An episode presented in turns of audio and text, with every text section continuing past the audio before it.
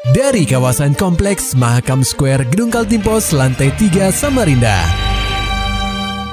96,8 KPFM. Kita akan ikuti program KP Flash News.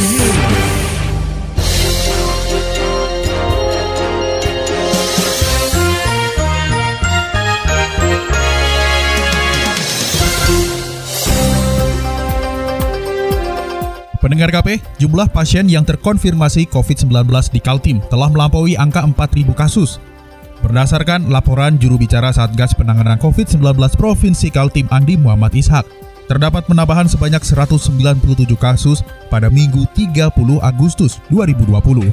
Untuk penambahan kasus positif uh, COVID-19 di Kalimantan Timur pada ini dapat kami sampaikan sebagai berikut. Dari Berau dilaporkan ada 7 kasus positif baru pada hari ini. Dari Kutai Barat ada dilaporkan satu kasus. Kemudian dari Kutai Kartanegara ada sebanyak 50 kasus positif baru pada hari ini. Dari Kutai Timur dilaporkan ada tiga kasus positif.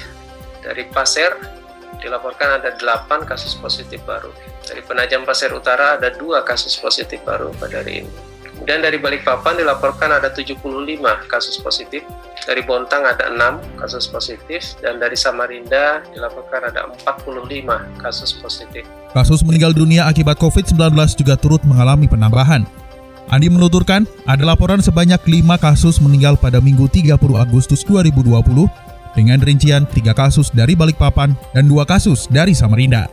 Dan yang kedua, SMD 862, wanita 49 tahun, warga Samarinda yang merupakan kasus yang terkonfirmasi uh, dengan gejala uh, ISPA dan kasus dilaporkan meninggal pada tanggal 29 Agustus 2020 dari Rumah Sakit Abdul Wahab Syarani dan terlapor terkonfirmasi COVID pada hari ini pemulasaran dan pemakaman tidak sesuai dengan protokol COVID-19. Andi turut menyampaikan perkembangan kasus sembuh dari COVID-19. Tercatat ada 18 kasus yang telah dinyatakan sembuh dengan rincian Samarinda 11 kasus, Kutai Timur 3 kasus, Brau 2 kasus, serta Kutai Barat dan Pasir masing-masing satu kasus. Hari ini ada penambahan sebanyak 18 kasus sembuh dari COVID-19 dengan rincian sebagai berikut. Dari Berau dilaporkan ada dua kasus sembuh pada hari ini. Dari Kutai Barat ada satu kasus sembuh. Dari Kutai Timur ada tiga kasus sembuh. Dari Pasir ada satu kasus sembuh dan dari Samarinda ada 11 kasus sembuh. Sehingga total uh, sembuh hingga hari ini berjumlah 2.318 kasus. Meninggal ada 5, yang mana tadi disampaikan, sehingga total meninggal hingga hari ini berjumlah 160 kasus. Secara keseluruhan, jumlah pasien yang terkonfirmasi COVID-19 sampai saat ini mencapai 4.120 kasus. Sementara kasus sembuh mencapai 2.318 kasus, meninggal dunia 160 pasien, dan yang masih dalam perawatan ada 1.642 kasus. Berita selanjutnya, jasad Kipli akhirnya berhasil ditemukan tim SAR sejauh 2 km dari lokasi awal tempat dia terjun ke perairan SKM. Laporan selengkapnya akan disampaikan oleh reporter KPFM Samarinda, Muhammad Nur Fajar. Pendengar KP, setelah tiga hari pencarian, tim SAR akhirnya berhasil menemukan jasad Kipli yang dilaporkan tenggelam di perairan Sungai Karangmumus atau SKM, tepatnya di bawah jembatan Tiga Lambung Mangkurat pada Sabtu 29 Agustus 2020 lalu.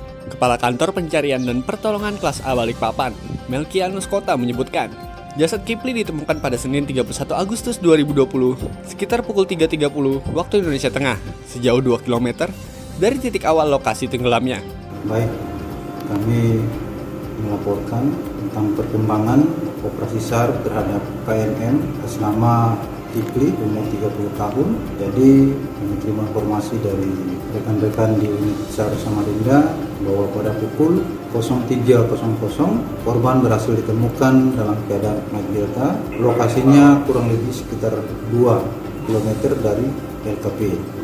Proses evakuasi segera dilakukan menggunakan rubber boat untuk membawa jasad ke tepi sungai. Selanjutnya, jenazah Gipli langsung dibawa ke Rumah Sakit Umum Daerah atau RSUD Awasyarani untuk proses visum. Untuk itu korban setelah ditemukan dievakuasi menggunakan ambulans ke rumah sakit terdekat yang diserahkan kepada pihak kepolisian untuk ditindaklanjuti. Dan pada pukul 06.00 operasi SAR menyatakan selesai. Untuk unsur SAR yang terlibat selaku mewakili Kepala Badan Nasional Penjamin Perlindungan, kami mengucapkan terima kasih atas keterlibatannya dalam pelaksanaan operasi hari ini. Demikian, terima kasih, selamat pagi. Pihak kepolisian sendiri belum ada memberikan komentar mengenai proses penyelidikan untuk mengetahui penyebab Kipli melompat ke perairan SKM. KPFM Samarinda, Muhammad Fajar melaporkan. Pendengar KP, Komisi Pemilihan Umum atau KPU Kota Samarinda menggelar sosialisasi tahapan pencalonan pada pemilihan wali kota dan wakil wali kota Samarinda 2020. Acara yang digelar di Hotel Midtown Samarinda itu dihadiri sejumlah anggota partai dan stakeholder lainnya. Ketua KPU Kota Samarinda Firman Hidayat menjelaskan sejumlah syarat dalam Pilwali Samarinda 2020. Peserta boleh ikut serta lewat jalur perseorangan dan jalur partai. Firman juga menerangkan tahapan mulai dari awal pengumuman hingga kemudian verifikasi.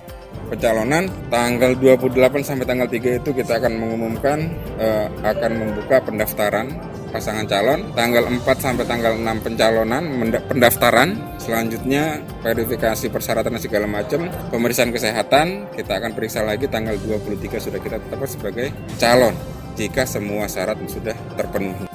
Ketua KPU Kota Samarinda Firman Hidayat juga menuturkan, bagi jalur perseorangan harus mengumpulkan 43.977 dukungan sebelum mendaftar. Sementara jalur partai harus memiliki 20% dari total keseluruhan kursi di legislatif atau memiliki suara sah dengan akumulasi 25%. Sementara itu, BPK dan Pemprov Kaltim komitmen mewujudkan wilayah bebas korupsi. Laporan selengkapnya disampaikan reporter KPFM Samarinda, Maulani Alamin. Pendengar KP, Badan Pemeriksa Keuangan atau BPK Kaltim menggelar deklarasi kesiapan menuju wilayah bebas korupsi. Berlangsung di gedung BPK wilayah Kaltim Jalan M Yamin, Samarinda. Dalam kesempatan itu Kepala BPK wilayah Kaltim Dadek Nademar mengatakan pencanangan zona integritas menuju wilayah bebas korupsi atau WBK sudah menjadi tekad dan seluruh jajaran BPK. Jadi auditor itu yang kita coba eh, bangun karakternya menjadi lebih independen, berintegritas dan profesional. Nah, kami itu ada beberapa perubahan. Pertama, misalkan di dalam ini ketika tamu masuk itu sudah kami awasi. Siapa ini? Jadi mereka nanti harus eh, mendaftar. Nah, nanti pertemuan tidak boleh langsung mereka harus di kantor dan hanya ada di lantai satu itu ruang publik kami. Sementara itu, Wakil Gubernur Kaltim Hadi Mulyadi yang hadir dalam acara itu menambahkan, upaya dan kinerja jajaran BPK RI sangat baik, serta menunjukkan dedikasi yang tinggi dalam mendukung pembangunan di Kaltim. Sebelum dideklarasikan sesungguhnya komunikasi kami yang baik selama ini menunjukkan bahwa memang BPK Kaltim sudah bekerja luar biasa mewujudkan itu. Ini hanya tinggal apa namanya formalitasnya saja dan kami atas nama pemerintah provinsi ucapkan terima kasih kepada BPK Kaltim, perwakilan Kaltim yang selama ini terus berkomunikasi, memberikan arahan, memberikan masukan agar pembangunan di Kalimantan Timur tetap kondusif, tetap uh, bebas dari korupsi, transparan dan akuntabel. Selain Wagub Hadi, acara itu juga dihadiri Wakil Wali Kota Samarinda Barkati dan sembilan kepala daerah lainnya secara virtual.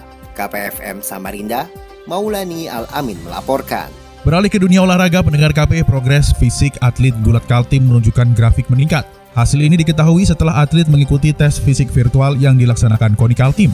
Atlet Gulat mendapat giliran tes pada Rabu pekan lalu. Sekretaris Pengprov Persatuan Gulat Seluruh Indonesia PGSI Kaltim Sumerlani menerangkan, dari lima item tes yang wajib dilakukan atlet, atlet-atlet Gulat menunjukkan angka yang bagus. Sumarlani menerangkan meskipun saat ini pandemi COVID-19 masih terjadi, tetapi atlet-atlet gulat memacu diri dengan latihan mandiri. Sebab sebagai atlet, mereka sadar bahwa fisik harus tetap dijaga. Meski latihan mandiri, namun tim pelatih tetap melakukan pemantauan.